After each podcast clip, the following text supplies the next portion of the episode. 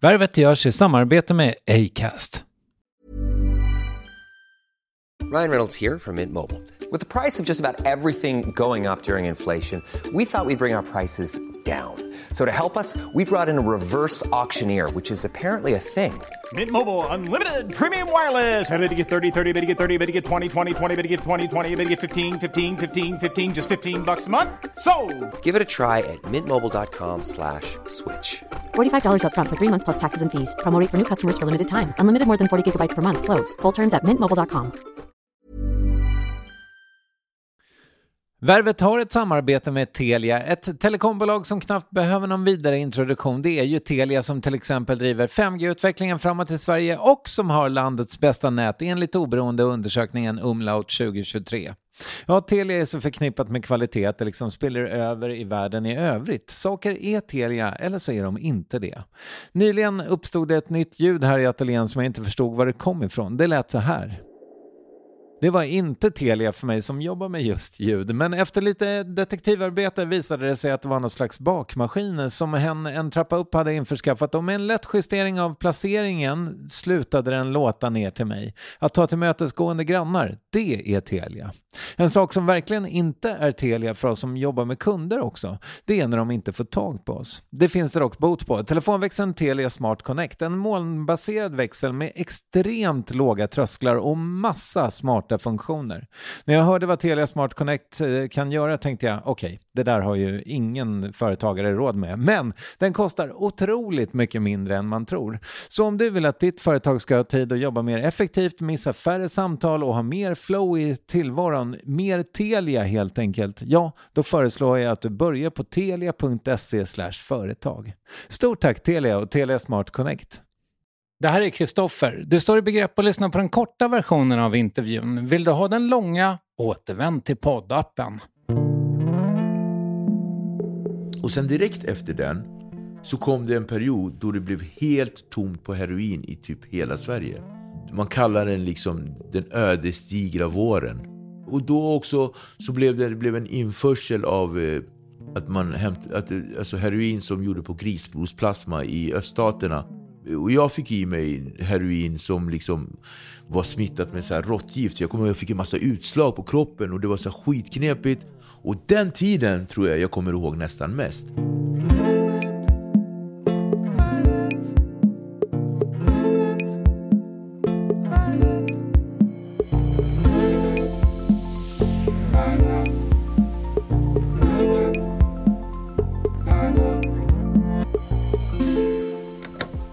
Hej på er och välkommen tillbaka till Dialogis. Mitt namn är Viktor och är som vanligt er host. Välkommen till Dialogis, Kristoffer Triumf, Värvet. Han gick från kriminalitet och ett 20 år långt heroinmissbruk till att idag hjälpa unga människor med liknande problematik på rätt bana i livet igen. Och det som är så fantastiskt är att Victor de Almeida inte bara lever, vilket i sig är en högoddsare efter att bland annat överlevt nio överdoser på en vecka, utan att han lever så väl och på fler än ett sätt ger tillbaka. Bland annat i podden och Youtube-serien Dialogiskt där han möter ett brett spektrum av gäster även om de blivit kanslade eller levt i kriminalitet. Tidigare i höst kom självbiografin Kramen från helvetet. Idag hör du honom i Värvet 601. Här är Victor de Almeida. Jag har nog upptäckt liksom nu att många arenor i mitt liv, uppenbarligen så är jag vuxen. Vi sitter liksom i min lokal, jag betalar hyran. Det är ganska snyggt här, om än lite stökigt liksom. Um, jag tycker det ser bra ut som fan. Tack så mycket.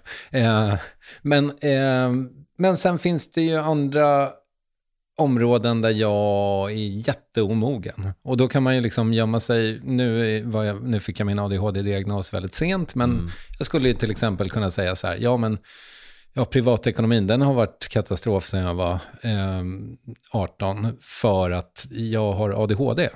Men det är ju inte sant. Det är ju för att jag är omogen bara och liksom aldrig har tagit mig tiden att lära mig och haft för låga krav på mig själv. Jag tänker mig om, jag har en känsla av att det är ganska många av oss, och jag vet inte om det är ett svenskt problem, men, men som faktiskt inte alltså som inte blir vuxna fastän vi är liksom, ja, snart pensionsfärdiga. 100 procent. Jag, jag är en av dem. Mm. Vad tänker Eh, du kring det här? Jag, jag, jag tänker absolut kring det och jag tänker också just det här du, du, du om att man nu, nu säger du ADHD, att man kan gömma sig bakom en sån sak. Men jag har ju alltid gömt mig bakom att jag är en före detta missbrukare. Eller jag är en missbrukare. När jag var det, då var det skitenkelt. Då kunde jag skita i allting med gott samvete. Sen när jag stod någonstans, skulle hitta mitt förnuft, eh, fick mitt förnuft tillbaka och, och det här vansinnet försvann lite mer så hade jag fortfarande kvar outtalat att jag har varit en före detta missbrukare så jag har liksom patent på att kunna få vara slarvig och sådär. Eh, och just det här med, med, med ekonomi har, har ju varit en röd tråd genom hela mitt liv. Jag har aldrig respekterat pengar. Jag har aldrig Hantera pengar på rätt sätt. Jag betalade aldrig mina hyror och, och jag känner så här, än idag så, så, så slarvas det om jag inte liksom är alert på hur saker ska vara. Och ibland kan jag känna så här, en underliggande stress. Har jag löst den grejen? Har jag löst den grejen? Och tack så mycket för att du påminner mig just i denna fredag att det där är en av de sakerna som jag fortfarande måste så här, vara på min vakt. Och det gäller liksom allt från folk som jag har anställda i, i min egen verksamhet, i min egen podd. Liksom att pengar ska betalas ut i tid till folk så att man inte skaffar sig ovänner på grund av en sån sak. Eh, och när jag säger en sån sak så är det inte en minimal sak utan det är en ganska stor sak. Det är, det är så här, folk har förtroende för mig. Men en annan aspekt i det här med att, att vara mogen, det är också i relationer. Eh, träffar en fantastisk kvinna idag. Jag är väldigt bra på att prata med henne om saker som jag är bra på att prata med henne om när jag vill prata med henne om de sakerna. Eh, och, och så då, och hon kan vara så här väldigt, eh, all eloge till henne förresten, hon är fantastisk. Hon har så mycket tålamod och är omhändertagande och, och så här. Men det som kan vara grejen är att jag har, jag har ju väldigt mycket så här svårigheter att stanna i någonting länge. Och, och när det stannas länge, då, då går mina... Ja, men, och när jag säger någonting, då, då, som en, alltså, inte en känsla bara, utan att förklara mina egna brister. Det, det är en sån här grej.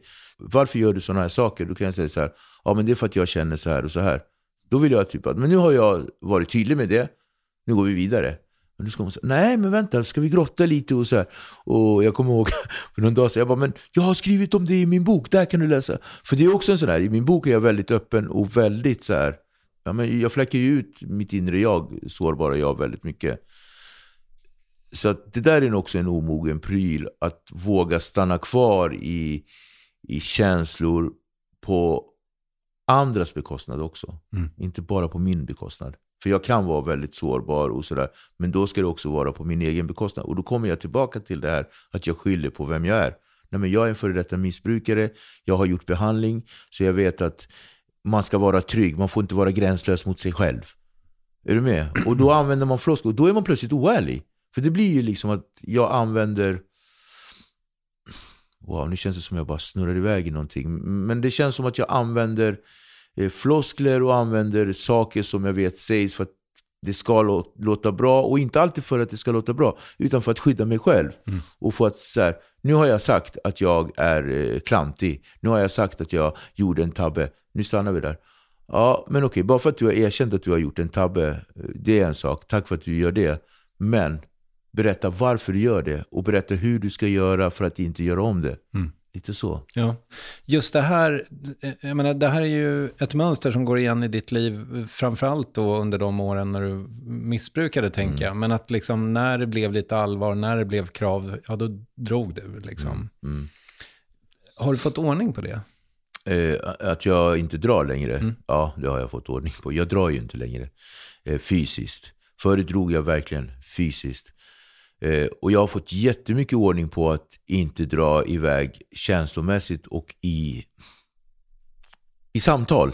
Alltså så här, att inte bara dra iväg i samtal och, och så här. Äh.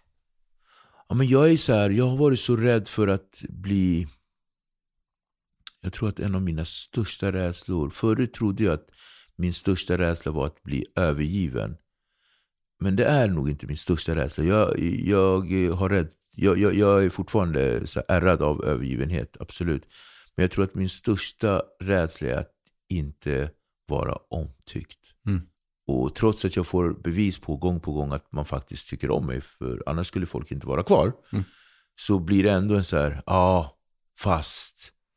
Ett exempel är, jag har alltid under hela mitt liv noterat att jag har jättesvårt att vara i en konstellation med människor om inte alla uppskattar mig.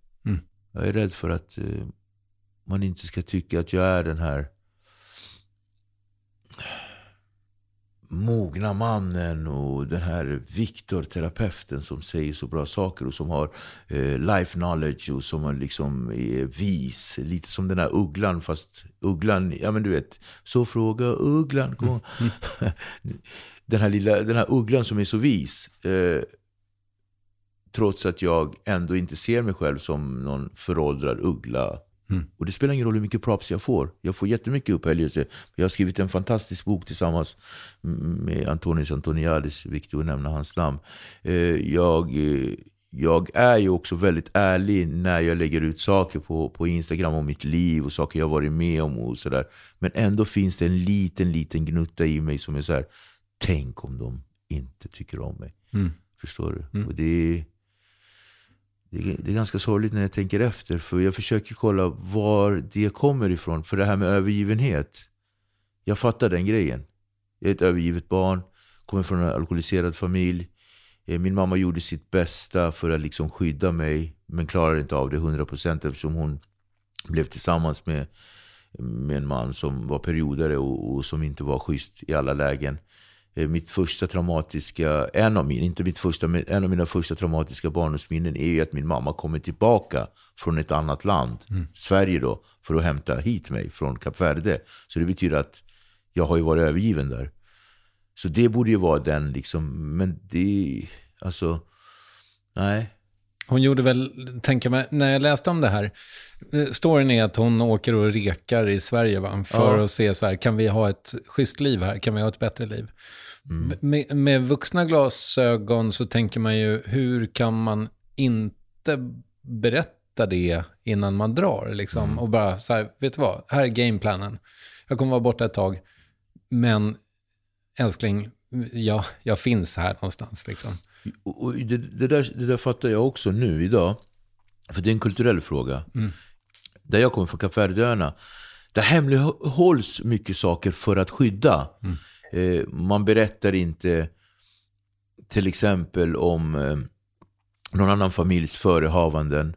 För att man tänker att jag ska skydda barnet från det. Man kanske inte, eh, nu vet inte jag om min faktiskt mamma, det där är en intressant grej jag kan fråga henne. Om hon faktiskt sa till mig att men jag ska åka till Sverige med familjen Aschberg och, och liksom reka och kolla liksom när vi kommer. Jag vet inte om det är sagt eller om det är så här, man bara säger som man gör på Kap Verde. Din mamma kommer komma tillbaka. Mm. Eh, och så. så det där tror jag också är en liten kulturell grej, så här uppfostringsgrej. För i, i Sverige är man rak, man pratar mer med ett barn som ett barn vore vuxen på ett annat sätt än vad man gör i vårt hemland. I vårt hemland pratar man inte med ett barn som ett barn är ett barn, utan man väljer att inte prata med ett barn alls. Mm. Utan när det här barnet är vuxet, då kommer den fatta. Jag tror att det är mer så. Det är vad jag tror. Sen min fördom också, och lite utifrån det du skriver i boken, är ju liksom... Ja, men it takes a village på ett annat sätt och mm. det finns en village. Mm. I Sverige finns det ju inte riktigt en mm. village för att raise a mm. child. Liksom. Men att man säger, ja, ja, nu försvinner morsan lite här, men vi har ju de här 40 personerna som ser till att du får mat och mm. tak över huvudet och sådär. Jag vet inte, finns det någonting där? Vilket också lyckades. Mm, mm. Så jag tror att också det gör nog, när vi pratar om minnen, att det därför det starkaste minnet inte är att min mamma, när min mamma åker.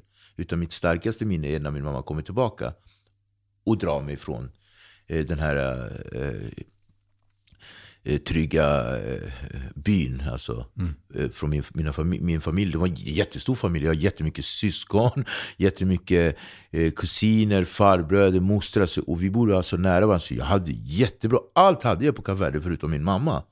Så att jag tror att det där, du lägger nog det exakt on point. Jag tror att det där själva största mm. eh, såret, en av de största såren i alla fall, som jag liksom verkligen känner av, det är när min mamma kommer och tar bort mig från min trygga miljö. Mm. Och jag har ju beskrivit det också, att jag känner någon form av samhörighet med min mamma. Men den är olustig, för jag vet inte vad den handlar om. Men jag känner att den är väldigt stark. Det är ju för att det är min mamma. Och jag har ju beskrivit det här ganska mycket i, i terapi, när jag pratar med andra killar. Att man känner en samhörighet med någon. Men den känns obehaglig. För att den är inte utvecklad eh, och den är inte crisp. Nej, men sen också att, jag menar... Den är Jag- dyssig. Ja, dysfunktionell idé att det finns ett svek där också. Att någon försvinner, som har varit en konstant. Liksom. Exakt, och det är, det är exakt det dyssiga som, som jag känner av. Att det, är liksom, det finns ingen schysst ärlighet här.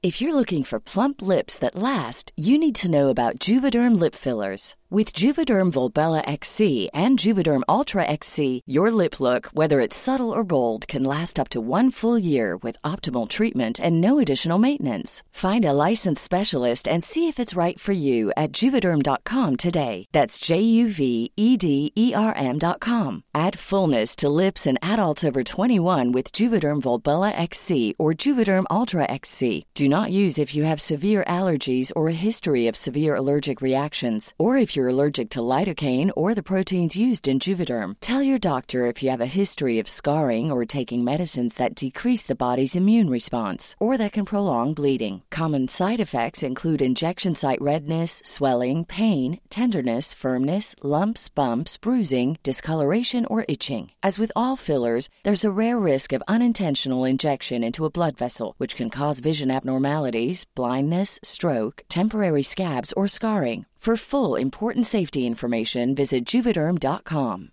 Hey, I'm Ryan Reynolds. Recently, I asked Mint Mobile's legal team if big wireless companies are allowed to raise prices due to inflation. They said yes. And then when I asked if raising prices technically violates those onerous two year contracts, they said, What the f are you talking about, you insane Hollywood ass? So to recap, we're cutting the price of Mint Unlimited from $30 a month to just $15 a month. Give it a try at mintmobile.com slash switch. $45 upfront for three months plus taxes and fees. Promo rate for new customers for limited time. Unlimited more than 40 gigabytes per month. Slows. Full terms at mintmobile.com. Nu eventuellt då för att liksom dra in mig själv ännu mer i ditt liv så tänker jag mig att det är så jävla sliding door-sitt. För vi har så lika stories liksom. Jag var otroligt, jag menar om, du, om din graf är liksom 100 så var väl min kanske på 60. Men det var liksom, det är samma grej. Att det fanns här, jättedåligt konsekvenstänkande när man är ung. Pengar var gratis för att jag snodde det eller snattade. Börja röka tidigt gjorde jag, det gjorde kanske inte du. Men, jo, i femman, jag tror elva. Ja, det är typ samma här. Och sen då, så fort det gick så in i liksom alla droger. Jag skötte skolan helt okej, men när det var slut så var det sådär. Wow, samma här. Ja. Alltså. Vad ville att tiden skulle ta slut. Alltså, så här, snart Mm. får jag ta min drogdebutexamen. För Mm. det, det var, alltså jag kände, jag kände som jag avbröt dig där. Nej, nej, nej. nej Är- men, är du men, säker? Ja, och, men, jo, och sen så när du hittar heroinet, så långt eh, gick det aldrig för mig, Mm. Nej. tack gud. Liksom. Ja, och det, det skulle vi också egentligen kunna diskutera, för jag tänker mig att du har ju sett, mm, mm, liksom, menar, du har ju träffat så jävla mycket folk som har pundat. Men jag tänker mig att alla som du har träffat kanske inte har trillat dit på det sättet som du gjorde. Nej. Och vad är det då som gör, vad, vad, är det liksom en, en bakgrundsgrej eller är det, en, är det så här, är det det att ni som faktiskt fastnade, är traumat större? Både och. Jag tror att det är alla de tre. Jag tror mycket är ödets ironi. Mycket är också de verktygen vi har eh, i våra ryggsäckar. Upplevelser och barndom och faktiskt trygghetsfaktorer. Sen tror jag mycket, mycket handlar om vad man är i för läge. Ibland har man bara jävla otur. Alltså jag har ju jättemycket gamla polare som, vad fan hände med Niklas alltså? Niklas var ju värsta! Jag har en kille som heter Niklas, vi var mycket här i Gamla stan och sådär. Han gillade liksom att klättra in för, innanför innergårdar och hålla på. Han, Niklas var verkligen så här. Och sen så bara, eh, bara försvann han. Alltså vi satt, jag tror vi satt ihop två volter. Och det här med katakomberna, jag vet inte, jag läser, alltså vi bodde under Stockholm. Niklas var också så här, eh, redan då, för han var klottrare. Redan då så, så han bara, Ej, det finns så här eh, i Kolingsborg, om man går ner i Kolingsborg så kan man så här, jag bara, är det sant? Så vi var ju mycket där nere, men då var man fortfarande purung och då hade jag lite så här själv, eh, självaktning där jag, så här, jag går runt så här och håller på och klottrar. Det bara, du vet, det var ju de här. Och Niklas han var ju så vit, eh, vi kallade, kallades för wiggers, alltså så här, super loose brallor och Levi's, vad heter det? nättröjor och så hade han basker och klottrade och var värsta hiphoparen. Men knarkade jättemycket. Och bara försvann. Mm. Så tror många gånger undrar jag undrar vad fan som hände med Nicke. Vi kallar honom för Nicke. Vad som hände med Nicke? Då visade det sig att en dag var jag på Söder, och det här är jättemånga år in i mitt missbruk. Så var jag på Söder och det var någon sån här Bajen eh, pub du vet. Så kom jag in på den och jag tror jag var där med en polare, han skulle sjunga karaoke. Jag var mest bara där för att liksom eh, hitta ett andrum efter min, eh, min fix liksom. Så satt jag så bara... Shit! Men fan är det Och då träffade jag Andreas och det var Nickes brorsa. Så jag bara tja Andreas, hörru vad fan hände med Nicke? Han bara, han träffade en tjej på någon så här eh, torken typ. Så här. Hans föräldrar, han hade ju överbeskyddande mamma. Så hans mamma kastade in honom på något som kallades för torken då. Det gör det ju inte idag, idag kallas det avgiftning och sådär. Men han kastades in i något så privat ställe. Och där träffade han dotter till eh, den som jobbade i köket. Ja, men så här, lång historia då nu. Och blev tillsammans med henne. Och sen så bara flyttade han till Dalarna. Och nu så blev han en bonde eller någonting sånt där. Men jag träffade honom många år senare, mm. alltså ganska nyligen. Mm. Bara Nicke och så här. Och det är så kul för att han skrev ju till mig om min bok. Hoppas du hör det här Niklas. Så han skrev så Åh, så kul i bok, för han är ju lite med i boken. Och jag har ju valt att inte skriva om hans namn. Många i boken är ju en del, inte många, en del är fingerade namn. Mm. Eller folk som inte nämns vid namn, utan den där snubben. Och han var ju den där snubben liksom. Och han var ju mycket, mycket mer knarkare än vad jag var. Han kom verkligen från en dysfunktionell... Han hade ju liksom en mamma som var jättebeskyddande. Eh, och jag tror hans biologiska pappa hängde sig. Och hans, han och hans brorsa hittade farsan i en, alltså, i en, i en stuga ute i, i Nacka, eller ute på Värmdö. Alltså du förstår, han hade ju mycket, mycket mer i bagaget. Så han skulle ju kunna fortfarande vara ute på plattan nu. Mm, mm. Men liksom, så det är också mycket ödesnyck och vad han hade för verktyg. För mig gick det mycket, mycket längre, men det gick liksom sakta, sakta längre. Sen har jag ju träffat på, på, på, att det finns människor som också bara kan sluta sådär. Sen har jag träffat människor som är inne och duttar och bara lägger av. Mm. Och bara lägger av. En kille som jobbar nu på, alltså, sist jag träffade han jobbade på så här, utrikesdepartementet. Han pundade på som fan. Han bara la av. La av. Oh, wow. så, här. Mm. så vad är det då? Jag tror att det är många aspekter. Jag tror att miljön spelar, spelar en stor roll. Jag tror faktiskt, idag, det här hade jag inte sagt för många, många år sedan, men jag tror faktiskt att tid och rum, alltså platser, människor du möter, och, och, och, så, sen tror jag att det här omvårdnaden av the hungry ghost som vi brukar prata om, det här inre sårade barnet, det här stora hålet som många missbrukare. Jag tror att när man börjar fylla ut den och liksom hittar en balans på den, så tror jag att det leder dig hit eller dit. Eh, jag var så sargad. Eh, jag tror att jag hade inte verktygen, tillräckliga verktyg i mognad för att liksom bara lägga av. Jag fann en sån samhörighet i mig själv med drogerna. Sen det här att jag säger att jag kände så en gemenskap med en massa andra människor. Ja, må so be it. Men människor har aldrig varit någonting som jag har så uppskattat överdrivet mycket. De har funnits där. Jag har varit en jättebra social kameleont. Men när jag hittade heroinet, då var jag alltså det här. Jag bara wow! Och det tog också lång tid innan det blev den där wow-känslan. För det var så här, den mentala besattheten och eh, den känslomässiga så här, andliga villfarelsen som man säger och den fysiska allergin, de här tre sakerna, de klickade efter typ 10-11 månader. För då hade jag provat heroin flera gånger utan att fatta att det här är det som håller på att dra mig. Jag var tvungen att gå till en läkare flera gånger och bara Ej, jag känner att jag det rinner i mina ögon, jag har diarré, jag har frossa och sådär. Han bara, men du har någon... Så gav han mig Kåvepenin, det var inte ens Kåvepenin, han gav mig någonting så här. Och sen så blev jag... Så jag tog ingen knark då för jag var typ sjuk. Jag var så här. Och sen så när jag hade blivit frisk, fysiskt frisk, då började jag dutta i det igen. Men jag hade så mycket kriminalitet på det, så jag hade så mycket saker som hände. Och sen så blev jag så här sjuk igen. Idag kan jag ju säga att jag var abstinent, men jag visste inte om det.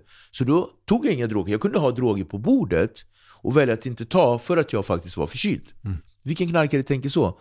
Men sen när jag satt med en kille, jag har satt det många gånger, när jag satt med en kille och han sa så här. När du kommer ta det här, då kommer den här abstinensen försvinna. Det är det här som är lösning på att du känner dig fysiskt eh, sjuk. Mm.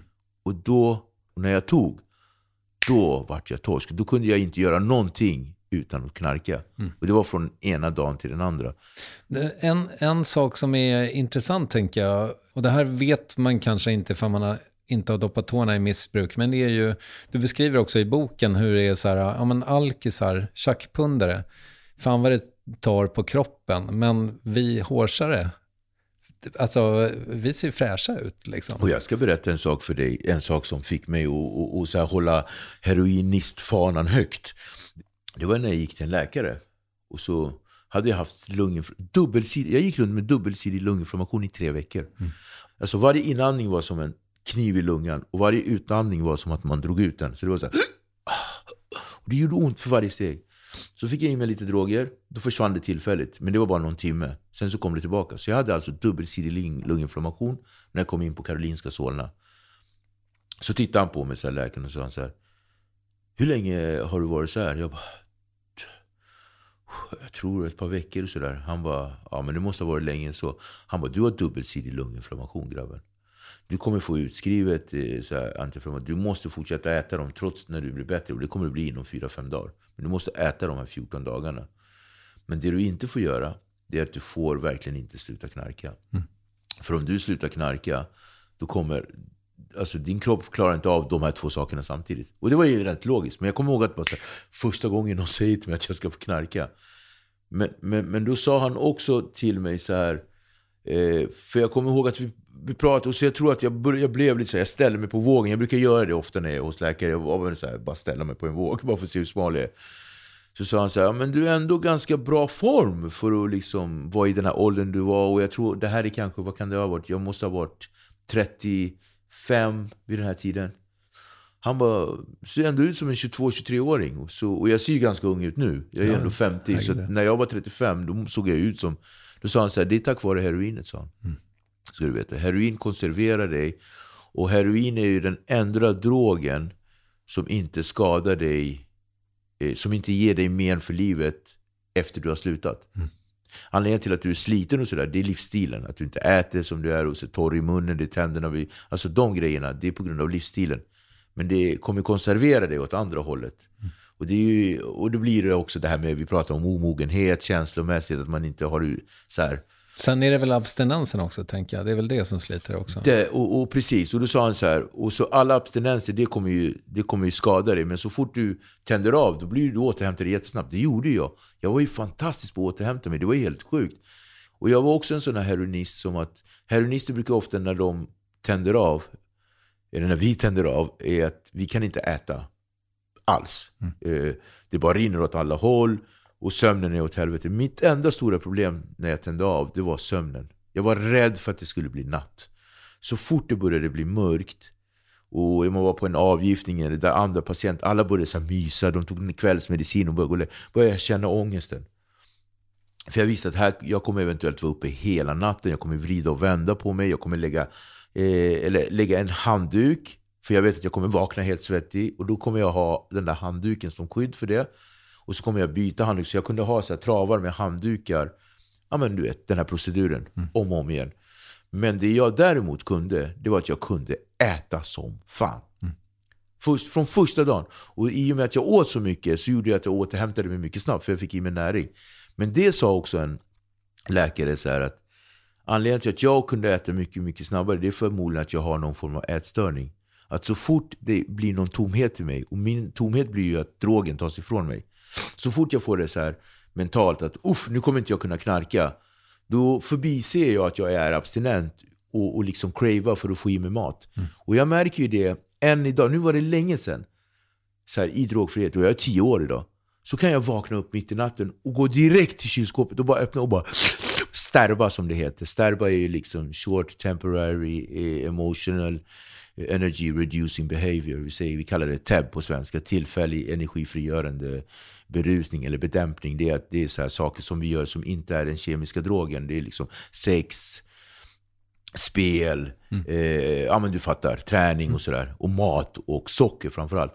Så där fick jag veta att jag har alltså någon form av ätstörning. Så så slut jag släpper mina droger, då går jag in i den, den grejen. Eh, så det, om vi ska knyta ihop hela det här där du säger, men vad fan kan det bero på att många fortsätter? Så tror jag att trots att jag inte var aktiv i mitt knarkande och inte kom, hade kommit så långt som de andra polarna som plötsligt bara slutade, så hade jag andra grejer. Så att när jag slutade knarka på riktigt, alltså gick igenom behandling, då var jag tvungen att släppa alla de här prylarna.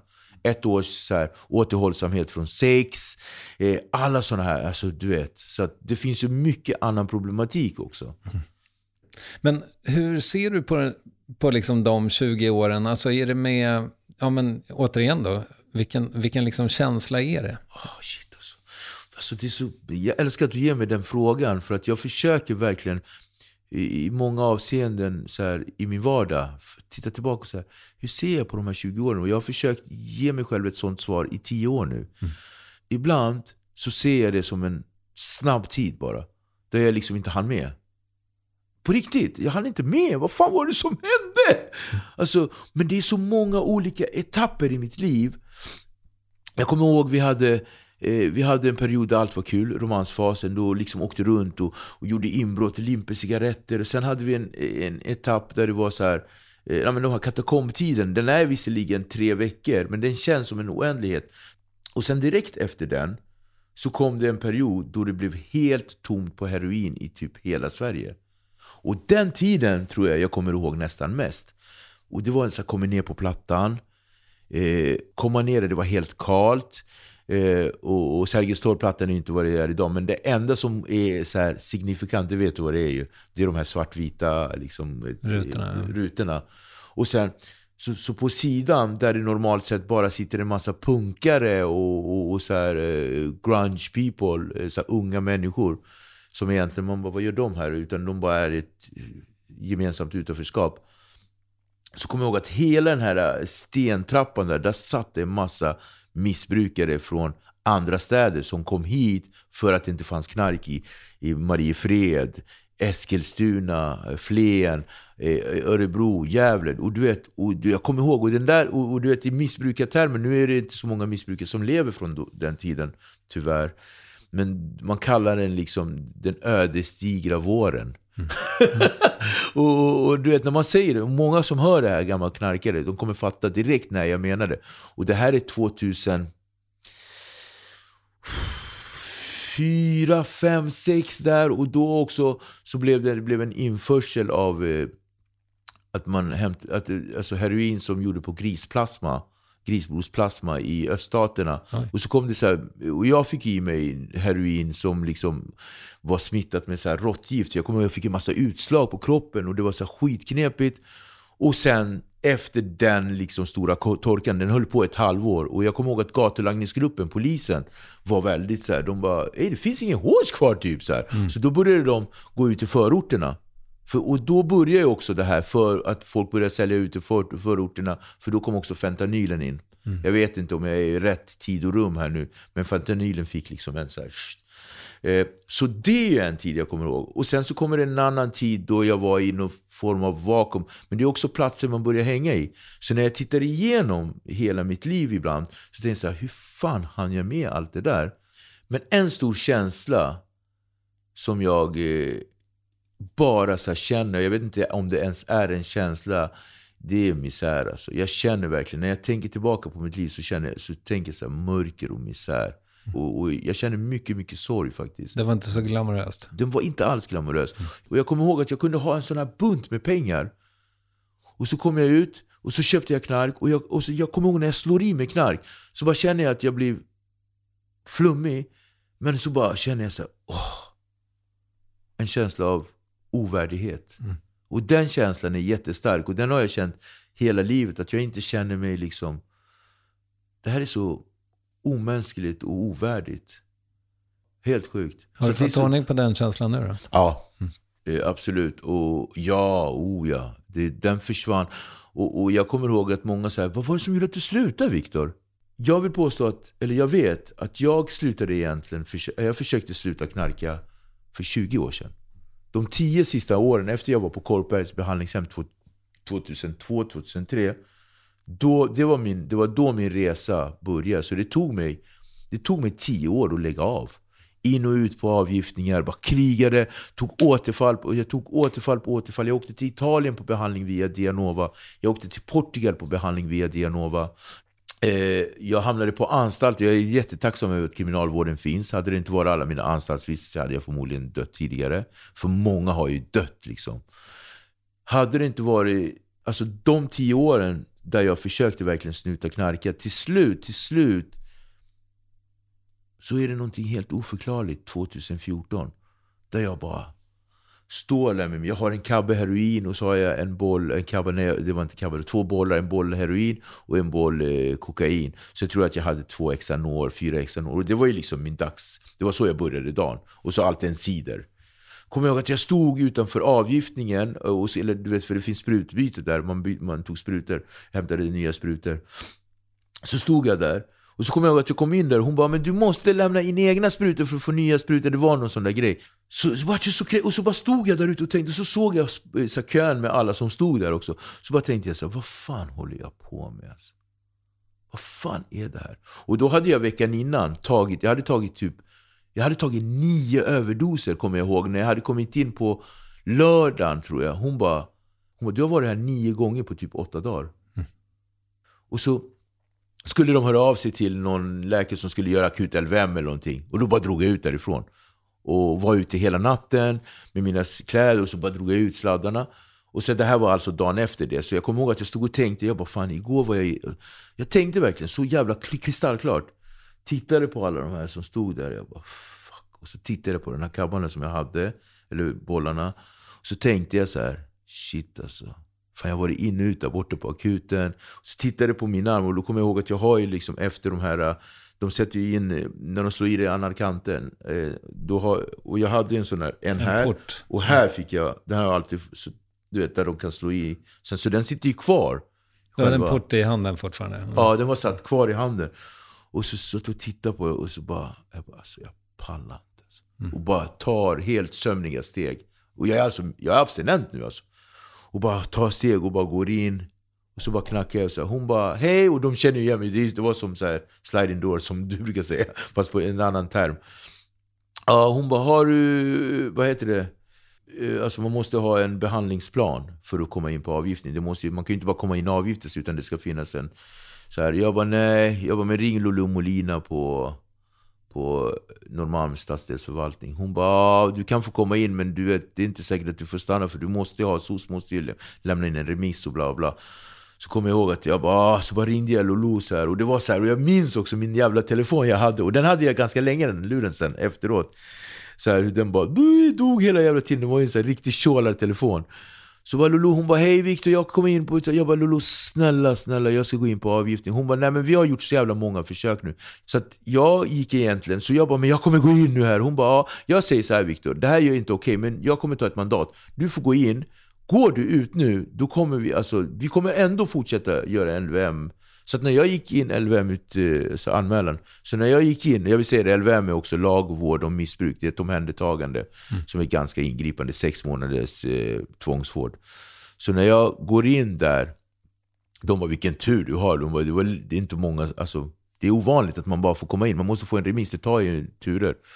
Eh, så bara kom jag in där och så kom jag ihåg att jag gick in där, men jag hade fortfarande de här bollarna kvar. Mm.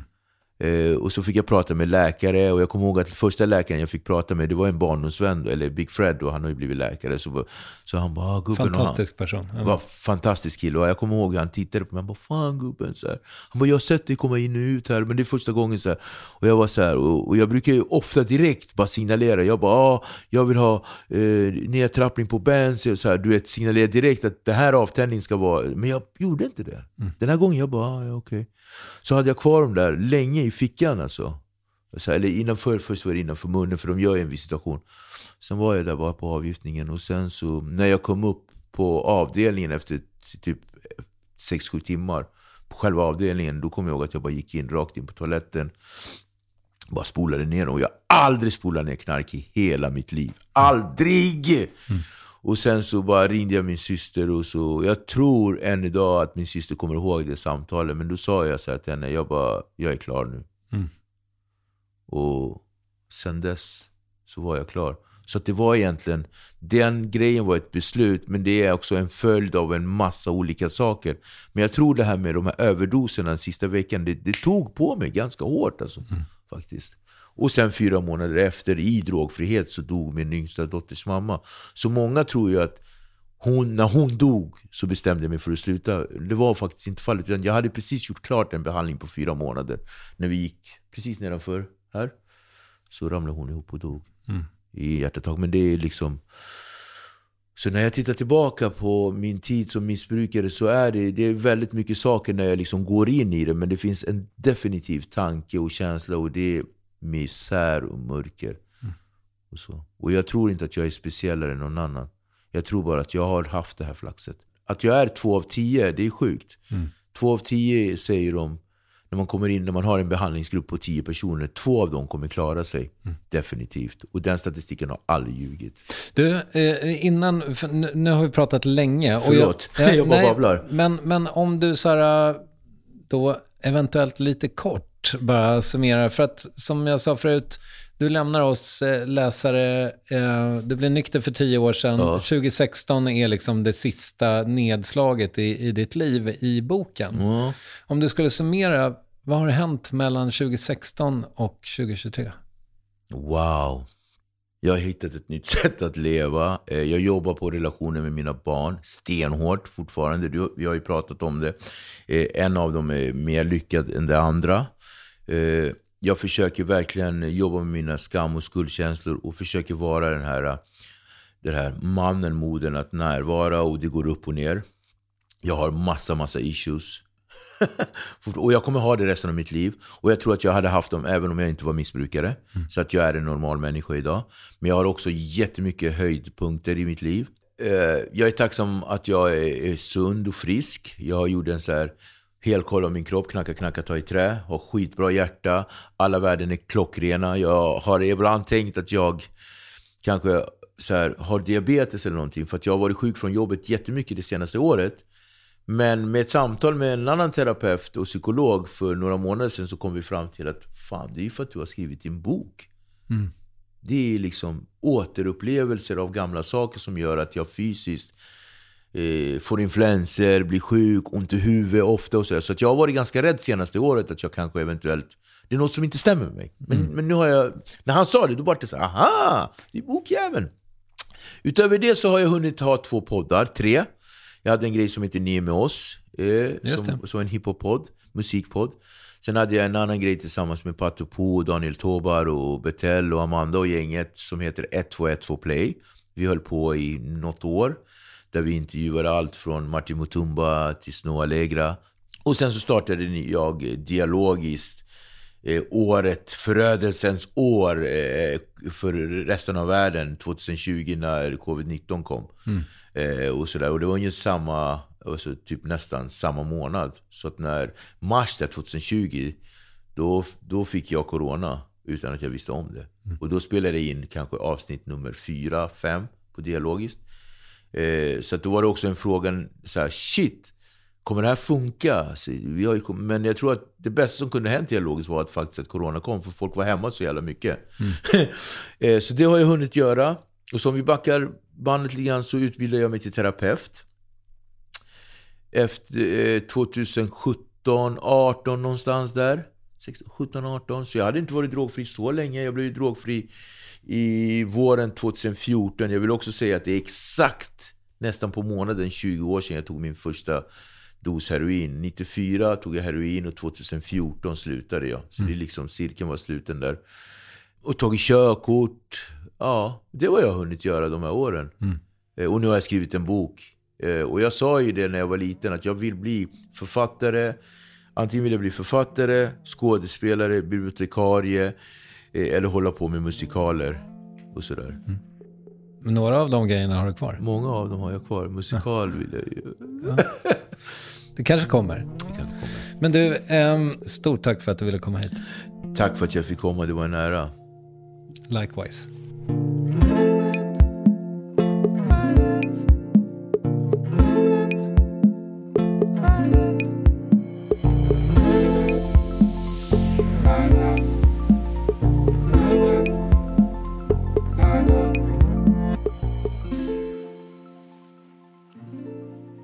Dialogiskt. Eh, länk i avsnittsbeskrivningen där det funkar. Eller läs hans bok som alltså finns ute nu, Kramen från helvetet. Sök och du skall finna.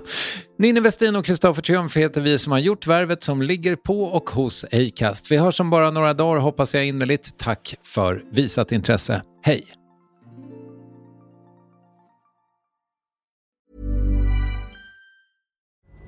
Pulling up to Mickey D's just for drinks? Oh yeah, that's me. Nothing extra, just perfection and a straw. Coming in hot for the coldest cups on the block. Because there are drinks. Then there are drinks from McDonald's. Mix things up with any size lemonade or sweet tea for $1.49. Perfect with our classic fries. Price and participation may vary, cannot be combined with any other offer. Ba da ba ba ba.